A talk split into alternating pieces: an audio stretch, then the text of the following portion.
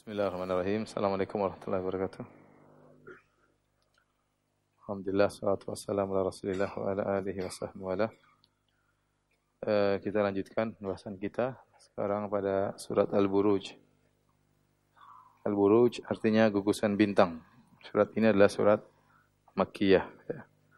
Allah Subhanahu wa taala berfirman, "Was-sama'i dzatil buruj."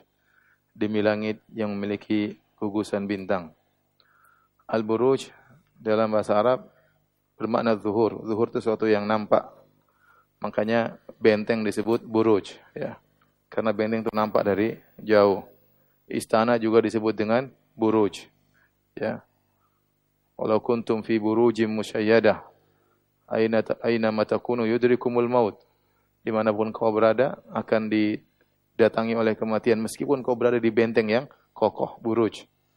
Ya, jadi namanya maknanya zuhur, perempuan yang bertabarruj itu perempuan yang keluar menampakkan apa? dirinya, menampakkan perhiasannya. Eh, oleh karenanya al-buruj di sini ada beberapa pendapat wasama'i dzatil buruj demi langit yang memiliki al-buruj. Al-buruj ada yang mengatakan dzatil qusur demi langit yang memiliki istana-istana maksudnya surga berada di langit dan di langit banyak apa istana eh, di surga banyak istana-istana ada yang mengatakan uh, Al-Buruj maksudnya manazil komar, tempat lokasi-lokasi komar rembulan lewat. Ada yang mengatakan Al-Buruj artinya an-nujum, bintang-bintang dan ini yang dipilih oleh Al-Hafidz Ibnu Katsir rahimahullahu taala. As-sama zatil buruj yaitu langit yang memiliki gugusan-gugusan bintang. Berdasarkan firman Allah Subhanahu wa taala dalam surat Al-Furqan 61, Tabarakalladzi ja'ala fis sama'i burujan wa ja'ala fiha sirajan wa qamaran munira. Ya, Maha suci Allah yang menjadikan di langit ada buruj, ada gugusan-gugusan bintang. Allah bersumpah dengan langit yang memiliki gugusan-gugusan bintang yang menunjukkan luasnya langit tersebut karena betapa banyak gugusan bintang yang bertebaran di langit. Allah bersumpah lagi wal yaumil mau'ud demi hari yang dijanjikan. Para ulama sepakat bahwasanya yang hari yang dijanjikan adalah hari kiamat ya. Al maut al yaum al maut adalah hari kiamat yang dijanjikan akan datang. Wa syahidin wa masyhud. Demi yang menyaksikan dan demi yang disaksikan. Ini ada banyak khilaf di kalangan para ahli tafsir apa yang dimaksud dengan demi yang menyaksikan dan demi yang disaksikan. Namun sering saya sampaikan khilaf di kalangan ahli tafsir adalah khilaf atanawu yaitu bukan khilaf kontradiktif bukan khilaf saling bertabrakan tapi khilaf sekedar beda sudut pandang khilaf contoh Khilaf apa? Contoh ini yang saya, saya sampaikan. Kalau khilaf dalam fikih, hukum asalnya adalah tadad, kontradiktif. Satu bilang haram, satu bilang halal. Satu bilang sunnah, satu bilang bid'ah. Satu bilang makruh, satu bilang mustahab. Ini kalau khilaf fikih demikian, hukumnya bertabrakan. Tapi kalau khilaf dalam tafsir sebagaimana sering kita lewati rata-rata khilaf contoh. Khilaf contoh seperti ihdinas siratal mustaqim, tunjukkanlah kami jalan yang lurus. Ada yang mengatakan jalan yang lurus maksudnya Al-Quran. Ada yang mengatakan jalan lurus, maksudnya agama Islam. Ada yang mengatakan jalan lurus adalah Rasulullah SAW. Ada yang mengatakan jalan lurus Abu Bakar dan Umar. Ini tidak ada khilaf, ini semuanya sama. Sekedar beda contoh. Itu namanya khilaf tanawu. Khilaf hanya beda contoh saja. Ya. Sama, wa syahidi wa masyhud. Apa yang dimaksud dengan syahid dan masyhud? Ada yang mengatakan syahid maksudnya adalah Muhammad dan masyhud eh,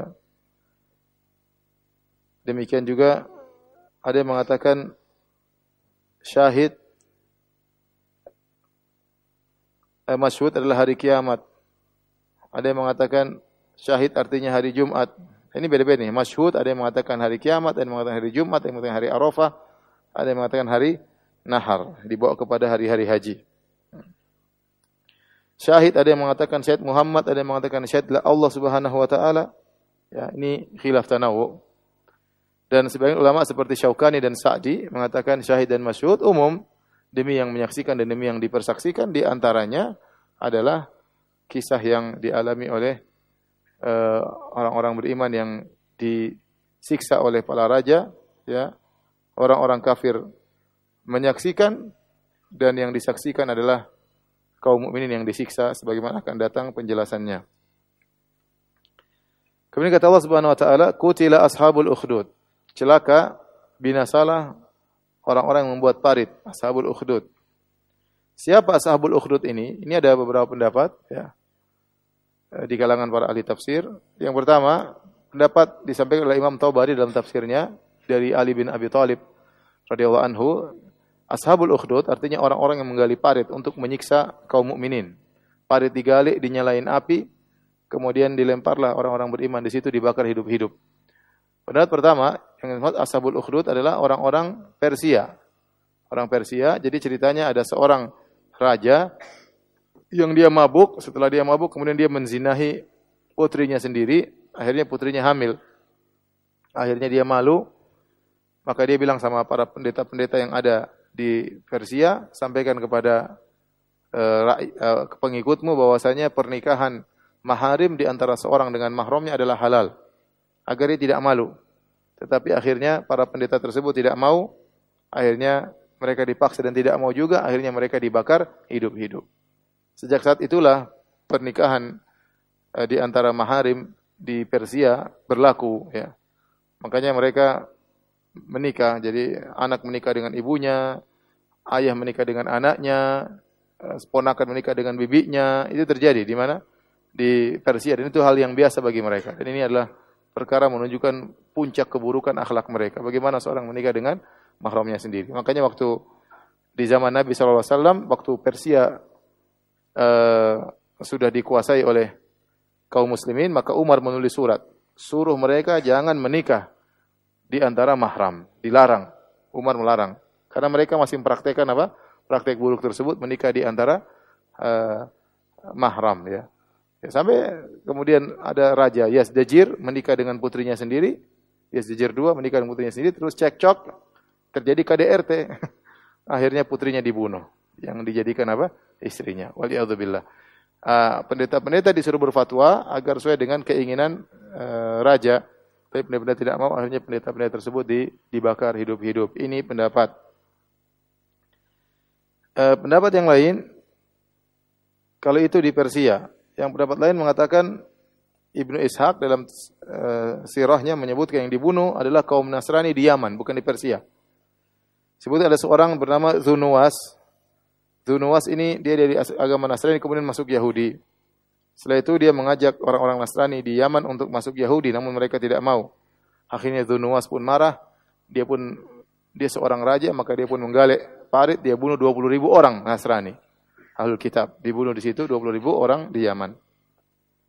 Pendapat yang ketiga, yang ini datang dalam hadis, yaitu terjadi pada Bani Israel. Yaitu zaman antara Nabi Isa dengan Nabi Muhammad SAW. Ya. Jadi, di, zaman Bani Israel antara Nabi Isa dengan Nabi Muhammad SAW. Saya bacakan hadisnya. Nabi yang bercerita, kata Nabi dari As-Suhaib radhiyallahu taala anhu anna Rasulullah SAW kalau Rasulullah SAW berkata, "Kana malikun fi man kana qablakum" ada seorang raja sebelum kalian wa kana lahu sahirun dia memiliki seorang penyihir. Falamma kabira qala lil malik tatkala penyihir ini sudah tua dia mau mati dia bilang kepada sang raja, "Ini qad kabirtu fab'ath ilayya gulaman wa allimhu sihr." Saya mau mati wahai raja, kirimkan kepadaku seorang pemuda, saya mau wariskan ilmu sihir saya ya. Mau diajarin ya. Biar ada dosa jariah ya. Jadi ada penerusnya. Faba'atha ilaihi gulaman, maka raja pun mengutus dia seorang pemuda. Yu'allimuhu untuk diajarin oleh penyihir yang sudah tua tadi. Pemuda tadi pergi menuju rumah tukang sihir. Fakana fi tariqihi idza salaka rahibun faqa'ada idza salaka rahibun faqa'ada ilaihi wa sami'a kalamahu. Setiap dia mau ke rumah tukang sihir, di tengah jalan ada seorang pendeta yang ceramah, maka dia pun duduk, dia dengar ceramahnya pendeta tersebut. Fa'ajabahu, maka dia pun kagum dengan ceramah, dia senang. Fakana idza ata sahir marra rahib. Maka setiap kali dia pergi ke tukang sihir, dia mampir di pendeta tersebut. Kemudian dia duduk. Ya, kemudian dia dengarkan ceramah pendeta tersebut. Fa idza ata sahira darabahu. Maka kalau sampai di tukang sihir, terus dia tanya, dari mana kamu kok terlambat? Saya tadi dengar ceramahnya pendeta. Maka tukang sihir pun mukul pemuda ini. Kelihatannya pemuda ini cerdas, makanya dia dipilih. Dipilih oleh raja untuk apa? Untuk bisa belajar ilmu sihir. Gara-gara terlambat dipukulin sama kakek sihir tua tadi. Fasyaka dzalika ala rahib. Kemudian dia cerita kepada rahib, dia mengeluh, saya dipukul sama tukang sihir. Akhirnya sang rahib berkata, "Idza khasyita sahir, faqul hasbi habasani ahli." Kalau kau takut kepada tukang sihir, bilang aja saya ditahan. Jangan bilang ditahan sama pendeta, bilang saya ditahan keluargaku. Saya ditahan sama keluargaku. Wa idza khasyita ahlak faqul habasani sahir. Kalau kau ditahan sama keluargamu, bilang aja eh, kalau kau terlambat pulang ke keluargamu, bilang saya ditahan sama tukang sihir. Pokoknya jangan bilang ditahan sama saya. Ya. Ini diajarin sama pendeta. Jadi gimana melakukan tauriah supaya tidak dipukul sama tukang sihir. Fabainama huwa kadzalik, tatkala dia sedang dalam kondisi demikian, id ata ala dabatin azimatin qad habasatin nas. Tiba-tiba ada hewan buas di kampung tersebut yang menghalangi orang-orang. Orang mungkin mau lewat tidak bisa, ada hewan mungkin lalu lalang di situ. Entah singa, entah macan, entah apa. Dia heran, orang nggak bisa lewat. Maka dia berkata, faqala al-yawma a'lamu sahir afdal amir rahib. Maka dia bilang, hari ini saya, saya akan tahu siapa yang lebih baik. Apakah tukang sihir ataukah sang pendeta. Yang lebih afdal. Fa'akhadha hajaran faqala. Maka dia ambil batu, dia berkata, Allahumma in kana amru rahib ahabba ilaika min amri sahir faqtul hadhihi dabbah hatta yamdiyan nas. Ya Allah, kalau memang uh, urusan apakah yang diajarkan pendeta lebih baik daripada yang diajarkan penyihir ya Allah, maka bunuhlah hewan ini biar orang-orang bisa lewat. Faromaha, maka dia pun lempar batu tersebut. Faqatalaha, akhirnya matilah hewan buas tadi. Wa madhannas, kemudian orang-orang pun lewat. Fa'atar rahiba fa'akhbarahu faqala lahu rahib. Maka dia pun ketemu pendeta, dia cerita. Maka pendeta mengatakan, Ya bunayya antal yaum afdalu minni. Wahai anak muda, wahai putraku, sehari ini kau lebih baik daripada saya. Karena dia doanya langsung dikabulkan. Langsung lempar pakai batu, binatang tadi bisa apa? Mati. Mana bisa macan dilempar batu langsung mati. Ya. Maka pendeta mengatakan kau lebih afdal daripada daripada aku sejak hari ini. Qad balagha min amrika ma ara. Engkau telah sampai pada kondisi yang hebat yang aku lihat. Wa innaka satubtala dan kau akan diuji Fa ini betulita fala tadulla alayya. Kalau kau sedang diuji, disiksa, jangan jangan sebut aku. Jangan sebut aku. Kanal gulamu yubriul akmaha wal abras. Gulam tadi tahu-tahu dapat karomah. Dia bisa menyembuhkan orang buta, dia bisa menyembuhkan orang terkena penyakit baras, perasu putih di badannya. Wa yudawin nas, kemudian dia menyembuhkan banyak orang min sairil adwa, berbagai macam penyakit. Fasami ajalisun lil malik, qad kana qad ami, maka ada seorang teman ngobrolnya raja, dia buta. Maka dia pun datang kepada pemuda ini, ingin minta disembuhkan. Maka dia bawa bihadaya kathira, dia bawa banyak sekali hadiah. Kemudian dia mengatakan kepada anak muda tadi, ha maha huna lika ha maha huna laka ajma'u in anta syafaitani. Ini semua hadiah yang banyak saya berikan kepada engkau kalau kau bisa sembuhkan aku. Kata pemuda tadi, inilah asfi ahadan. Aku tidak bisa menyembuhkan seorang pun. Inna ma yashfillahu. Yang sembuhkan adalah siapa? Allah Subhanahu wa taala. Fa in atat fa in anta amanta billah da'autullaha fasyafaka. Kalau kau beriman kepada Allah, aku akan berdoa kepada Allah dan Allah akan menyembuhkanmu. Fa amana billah. Maka dia pun beriman kepada Allah, teman duduknya, teman ngobrolnya raja. Fasyafahullah, maka Allah pun menyembuhkan teman raja ini akhirnya bisa melihat lagi. Kemudian teman raja ini datang menemui raja, maka dia pun ngobrol sama sang raja. Raja heran, ini orang sudah bisa lihat lagi. Man radda alaika basarak. Siapa yang mengembalikan penglihatanmu, wahai kawanku? Kata kawan raja ini, Rabbi, Robku, Tuhanku. Qala walaka rabbun ghairi? Apakah kau punya Tuhan yang lain selain aku? Kata temannya Rabbi wa rabbukallah, Tuhanku dan Tuhanmu yaitu Allah Subhanahu wa taala. Itulah Tuhanku. Fa akhadahu falam yazal yu'adzibuhu. Maka raja pun marah, raja pun ambil kawannya tersebut di diadab, disiksa oleh sang raja. Akhirnya sang raja nyiksa-nyiksa ini orang, akhirnya orang tersebut ngaku. Dia pun menunjukkan saja kepada anak muda tadi. Faji abil gulam. Siapa yang bikin kamu sembuh? Akhirnya ya, anak muda. Kata raja, datangkan anak muda tadi. Anak muda pun datang. Faqalahul malik, maka raja berkata, Wahai putraku, Qad balago min sihri kama tubri'ul akma. Kau sudah jago sihir sekarang. Ya. Kau bisa menyembuhkan orang buta, bisa menyembuhkan orang baros dan kau bisa begini, bisa begini. Ya. Kau sudah jago sihir sekarang. Faqala inni la asfi ahadan inna ma yashfillah. Anak muda tadi komentar, "Ya raja, saya bukan penyihir. Dan saya tidak bisa menyembuhkan siapa pun. Yang menyembuhkan hanyalah Allah." Maka anak muda tadi disiksa. Disiksa, disiksa, mungkin dipukul, diapain. Sampai dalla ala rahib. Sampai akhirnya dia tunjukkan yang ngajar saya adalah pendeta. Padahal pendeta udah bilang, jangan bilang kalau tapi mungkin sudah terlalu sakit. Akhirnya tunjukkan pendeta. Faji Abir Rahib, kata raja, datangkan pendeta itu ke sini. Pendeta pun didatangkan. Kemudian dikatakan kepada sang pendeta, irji andinik, keluarlah dari agamamu. Fa'aba, dia tidak mau. Fada abil minsyar, kata raja, datangkan gergaji. Fadu al minsyar fi mafriqi ra'sihi. Fasyaku hatta waqashiqahu. Kemudian dia belah dari atas sampai bawah. Pendeta tadi. Subhanallah. Thumma ja'a bi jalisil malik. Kemudian kawannya dipanggil. Sini kau. Ini pendeta sudah saya belah dua. Ya. Tinggalkanlah agamamu. Saya enggak mau. Kemudian digergaji lagi. Subhanallah. Sampai terbelah dua. Siksaan kayak apa digergaji? Terus sampai kebelah dua. Kemudian datangkan anak muda. Anak muda datangkan. Irji andinik. Tinggalkan agamamu. Kata anak muda enggak. Saya enggak mau. Akhirnya dia panggil sebagai anak buahnya. Bawa pergi anak muda ini. Pergi ke gunung sana. Sampai di gunung. Kalau kalian sudah sampai di atas gunung. Lempar anak ini biar dia mati dari gunung. ya. Sampai dulu puncak gunung. Ya. Sebelum kamu lempar, tanya dulu mau murtad atau tidak. Kalau mau murtad, tidak jadi dilempar.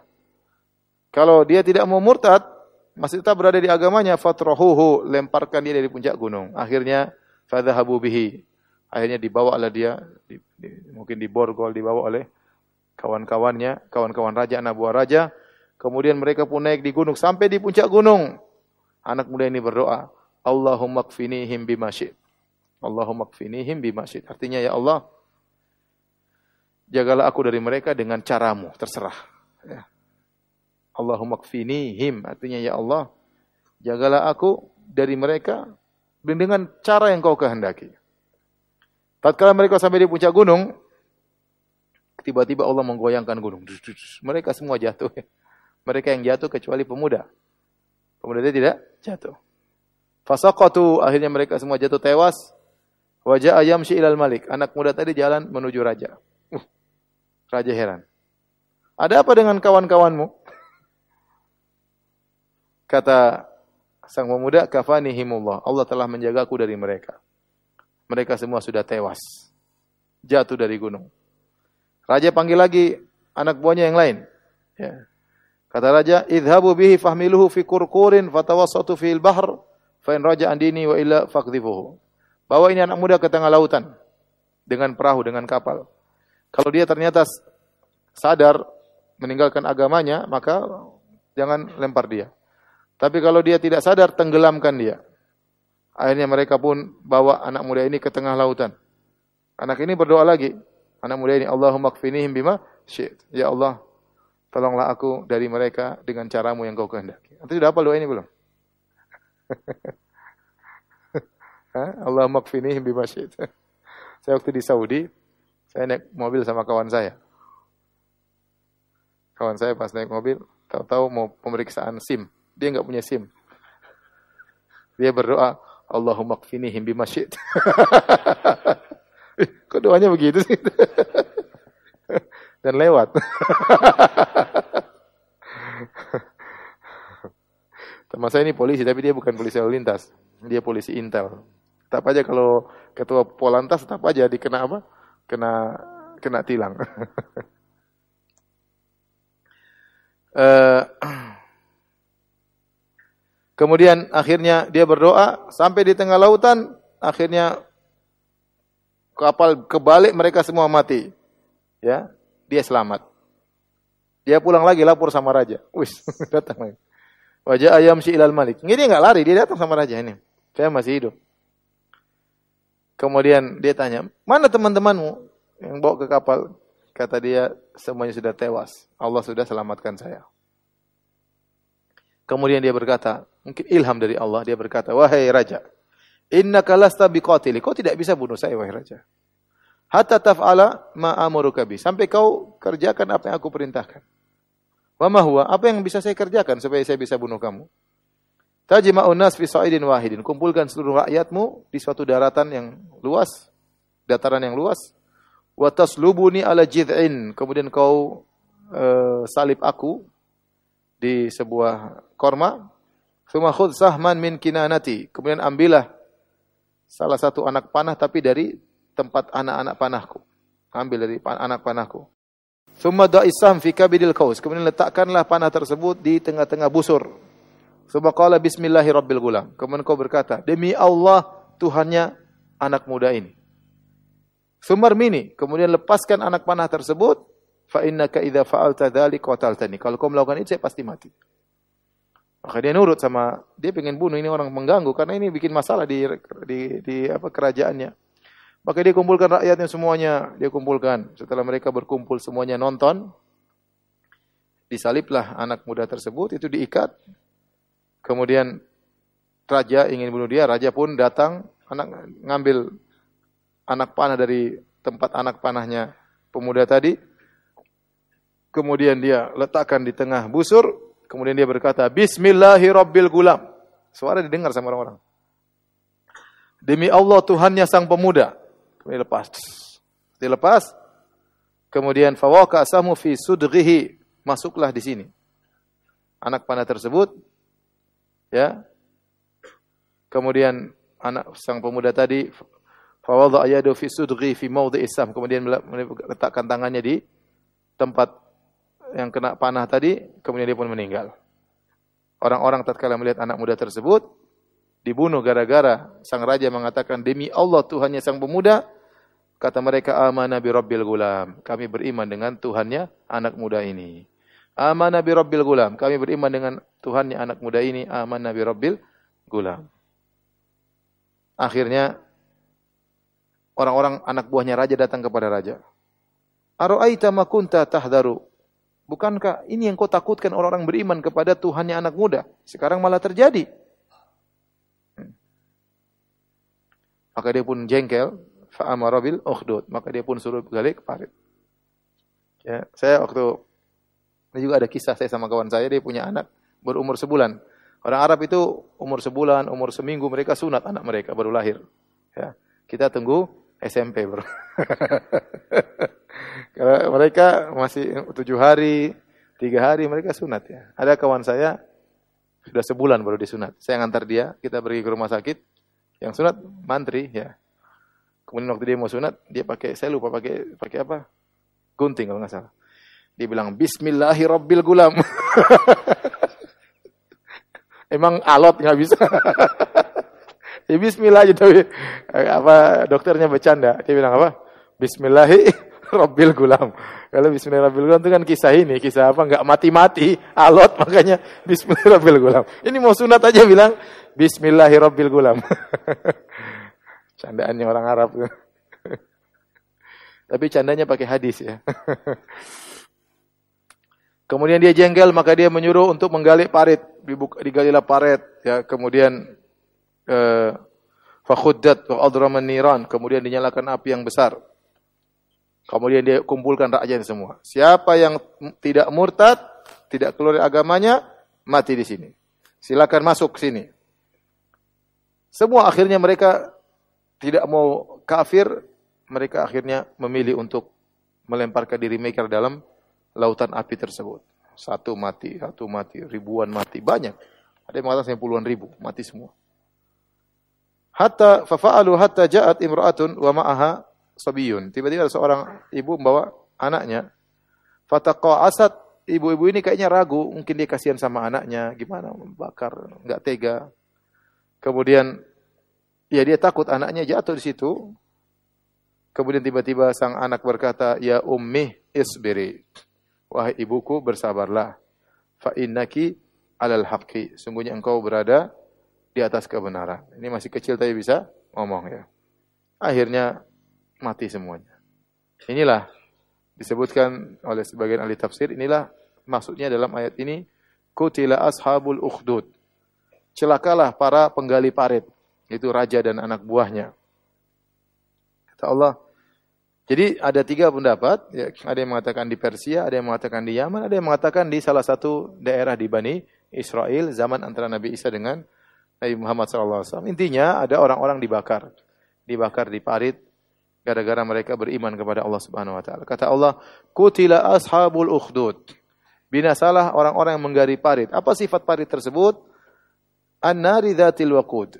Yang di, di parit tersebut isinya api, ya dinyalakan dengan kayu bakar, dinyalakan dengan kayu bakar. Idhum 'alaiha qu'ud. Kemudian mereka pun duduk di atas di atas parit-parit tersebut. Ini ada dua pendapat. Ada yang mengatakan mereka diikat, jadi waktu mau dibakar, diikat dulu, diikat semua, disuruh duduk, baru kemudian dilemparkan api untuk dibakar. Sehingga mereka tidak bisa kabur idhum alaiha qu'ud artinya orang-orang beriman diikat duduk, dibakar sambil duduk. Sehingga tidak bisa kabur. Pendapat yang lain mengatakan idhum alaiha qu'ud artinya ashabul ukhdud yaitu para raja dan anak buahnya duduk nonton nonton orang-orang yang disiksa. Dia jadi nikmati. Mati lempar lagi, mati lagi. Jadi nikmati siksaan tersebut. Orang seperti itu kejam ya. Dia merasa eh, bahagia dengan melihat orang lain apa? tersiksa. Sudah hilang nuraninya, sudah mati ya apa namanya hatinya sehingga dia merasa bahagia dengan melihat orang-orang apa disiksa. Ini dosa-dosa mereka luar biasa. Mereka kafir kepada Allah, mereka musuh wali-wali Allah, mereka membunuh dan bakar wali-wali Allah dan mereka menikmati penyiksaan tersebut. Kata Allah wahum ala ma yaf'aluna bil mu'minina syuhud. Sedangkan mereka menyaksikan apa yang mereka perbuat terhadap orang beriman. Jadi mereka duduk nonton nonton dibantainya orang-orang beriman. Kata Allah, "Wa ma naqamu minhum illa ayyuminu billahil azizil hamid."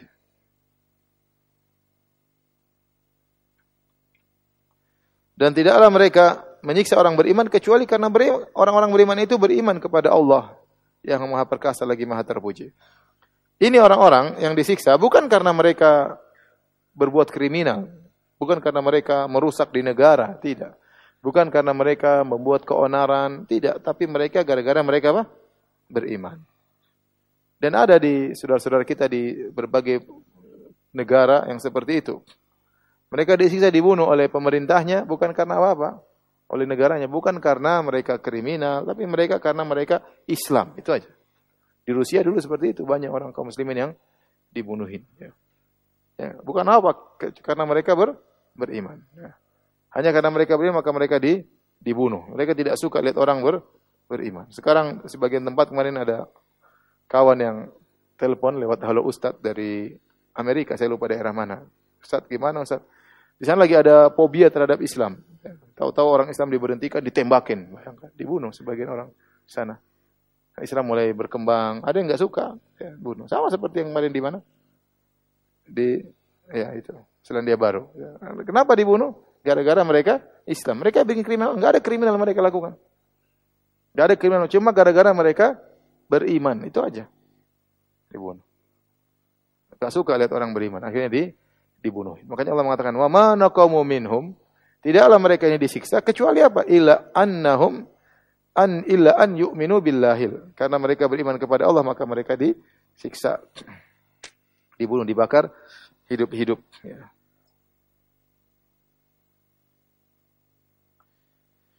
Demikian juga yang terjadi pada ini sunatullah, ya sunatullah, ya. Banyak orang dimusuhi gara-gara menjalankan syariat Islam. Coba wanita berjilbab diejek, wanita bercadar diejek. Apa masih tidak ganggu? Apa, apa, ente diganggu sama dia? Kan enggak. Hanya pakai cadar diganggu-ganggu, dihina-hina. Hanya celana cingkrang kita celana cingkrang ganggu orang enggak? Kenapa kita diganggu? Apa masalahnya ya? Kecuali anak ganggu ente, bolehlah ente ganggu anak. Anak gak ganggu ente, anak pingin ke masjid aja, pingin cingkrangan, terus anak dihina. Ya, ada perempuan bercadar kemudian dihina, ya, panggil ninja lah, ya, kadang diajak karate.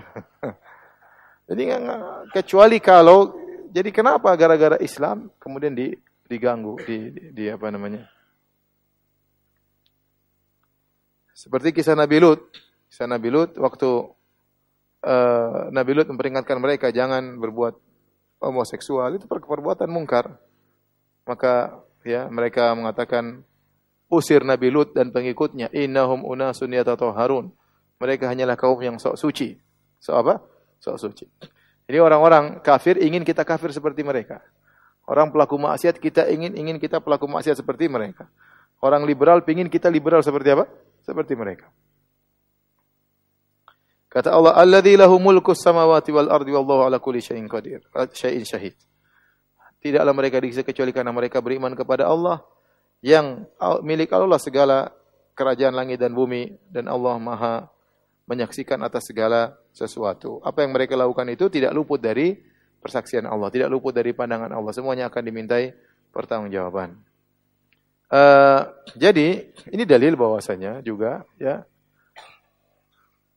tidak mesti kezaliman itu dibalas di dunia, tidak mesti. Terkadang kezaliman dibalas di mana? Akhirat. Ini mereka bunuh orang-orang beriman, bunuh selesai. Tapi orang beriman ini masuk surga. Yang mem, yang mendolimi Allah tidak lalai. Allah bilang syahid, Allah saksikan. Ya, bisa jadi kezaliman terjadi. Ya, uh, kemudian tidak hilang kezaliman. Orang yang zalim tadi tetap eksis, orang yang zalim tadi tetap kaya, orang tetap misalnya tetap berkuasa misalnya, tapi tidak ada kemudian Allah tidak memberi hukuman kepadanya di dunia. Karena bisa jadi Allah tunda di mana? Di akhirat. Seperti firman Allah situ, lihat halaman 253. Wala tahsabanna Allah ghafilan amma ya'malu dhalimun. Jangan kau sangka Allah lalai dari apa yang dilakukan orang zalim. Innama yuakhiruhum liyaumin tashkhasu fihil absar. Allah tunda adab mereka nanti pada hari kiamat kelak tatkala mata-mata terbelalak ya ketakutan pada hari tersebut. Setelah itu Allah berfirman, "Innal ladzina fatanul mu'minina wal mu'minati tsumma lam yatubu." Sungguhnya orang-orang yang telah membakar kaum mukmin kaum mukminat kemudian mereka tidak bertobat, falahum adzabu jahannam wa lahum adzabul harik. Bagi mereka azab yang neraka jahanam azab membakar. Di sini ayat menunjukkan luasnya rahmat Allah. Ini para raja yang zalim yang telah membakar ribuan kaum mukminin masih diberi kesempatan untuk bertobat. Kata Allah, sungguhnya orang-orang yang membakar kaum mukminin kemudian tidak bertobat bagi mereka azab neraka jahanam. Artinya apa kalau mereka bertobat enggak diadab. Kalau mereka tidak kalau mereka bertobat maka tidak diadab. Makanya uh, ini kata Sanal Basri, "Unzuru ila karamillah." Lihatlah pada betapa baiknya Allah Subhanahu wa taala. Qatalu awliya Allah, ini orang-orang telah membunuh, membakar wali-wali Allah. Kemudian Allah wa huwa yad'uuhum dan Allah tetap menyuruh mereka untuk mendapat ampunan dari Allah Subhanahu wa taala, ya. Maksud saya, kalau kita pakai logika kita, ada orang bakar lima orang. Ada orang misalnya jahat ya, dia kumpulkan lima orang wanita berjilbab, kemudian dia bakar, ditonton sama dia. Kita bilang kira orang ini kira-kira bisa diterima tobatnya tidak? Mungkin kita bilang nggak bisa. Ini pasti neraka paling bawah, tetanggaan sama iblis ya. Karena bayangkan dia bakar lima orang berjilbab, dia nonton, dia ketawa-ketawa nontonnya. Itulah mereka ini, raja-raja ini. Bukan lima orang, ribuan dia bakar dan dia nonton santai, senang nonton pemandangan yang mengerikan tersebut. Tetapi kalau dia bertobat, diampuni atau tidak? Diampuni. Ya, makanya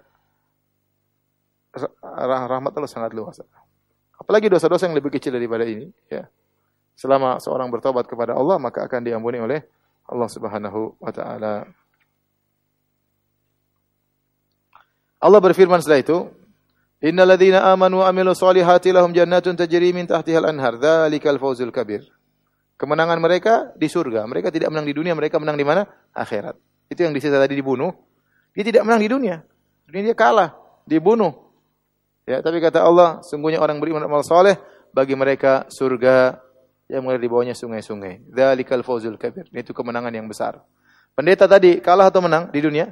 Kalah. Di, di, di, digergaji. Orang eh, teman raja tadi yang sudah buta kemudian bisa melihat lagi, kalah atau menang? Kalah. Sang pemuda kalah atau menang? Kalah, mati. Orang beriman puluhan ribu, kalah semuanya. Di dunia kalah. Nah, tapi di akhirat dia menang. Jadi maksud saya tidak mesti namanya kezaliman harus kalah di dunia. Kadang kalah, kadang menang. Kalau selalu kezaliman kalah, maka tidak ada ujian. Allah menjadikan demikian. Terkadang kezaliman menang, terkadang kezaliman kalah agar ujian terus berlaku. Kalau setiap orang munafik pasti kalah, setiap orang kafir pasti kalah, maka semua orang akan masuk Islam. Paham? Maka semua orang akan masuk Islam. Tapi demikianlah berlaku di dalam kehidupan dunia ini terkadang menang, terkadang kalah, ya. Agar ujian tetap berlaku. Kemudian setelah itu Allah Subhanahu wa taala berfirman, "Inna batasya rabbika lasyadid." Sungguhnya siksaan Tuhanmu sangat keras. Ya, hati-hati ya, orang di di dunia berbuat zalim. Kalau Allah adab dia di dunia bisa atau Allah adab dia di akhirat atau Allah adab dua-duanya dunia dan akhirat. Kata Allah wa kadzalika akhdhu rabbika idza akhadha al-qura wa hiya zalimah. Demikianlah siksaan Tuhanmu kalau Tuhanmu menyiksa suatu negeri dan negeri tersebut berbuat zalim, inna akhdahu alimun syadid. Sungguhnya siksaannya sangat pedih.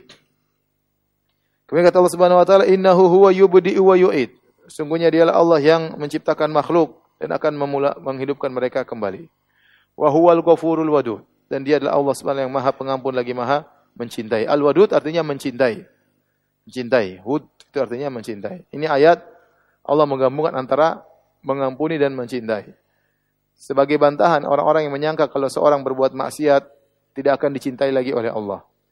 Orang bermaksiat sebesar apa pun maksiatnya, kalau dia kembali kepada Allah, maka dia akan dicintai oleh Allah Subhanahu dengan syarat dia bertobat ya.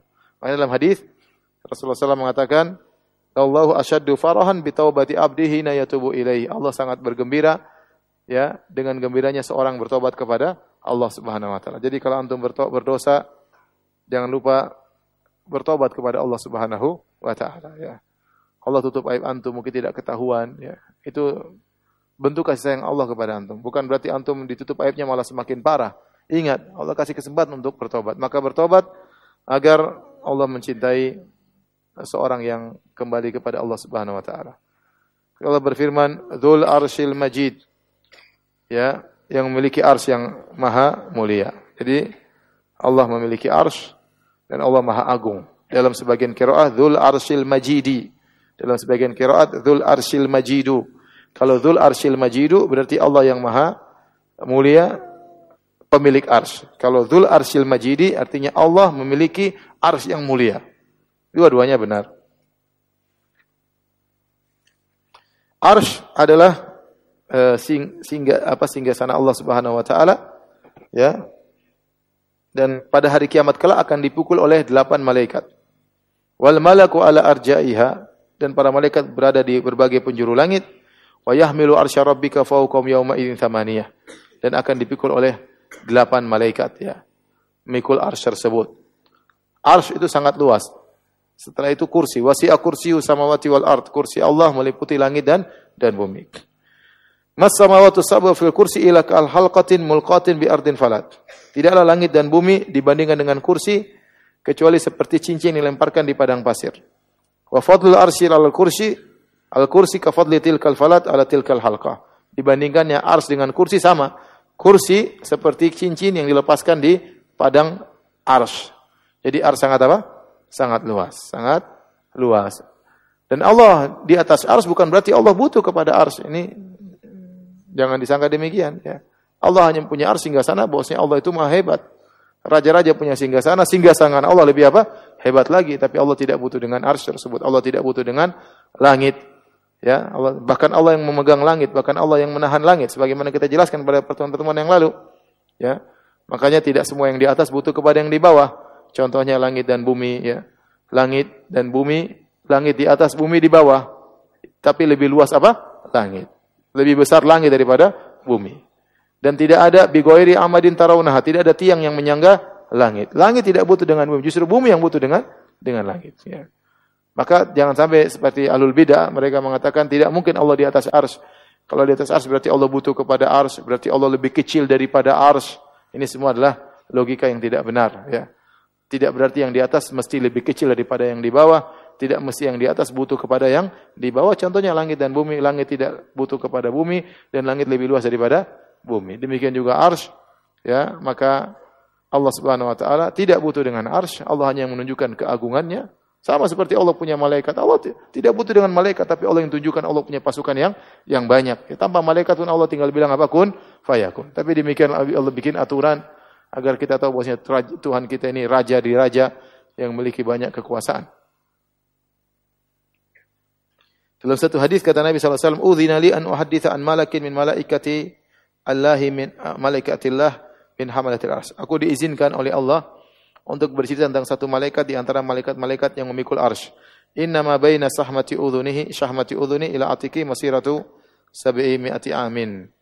Kata Nabi saya diizinkan menceritakan tentang uh, malaikat pemikul arsh antara telinganya sampai pundaknya jaraknya sejauh 700 tahun perjalanan ya. Telinga saya mana?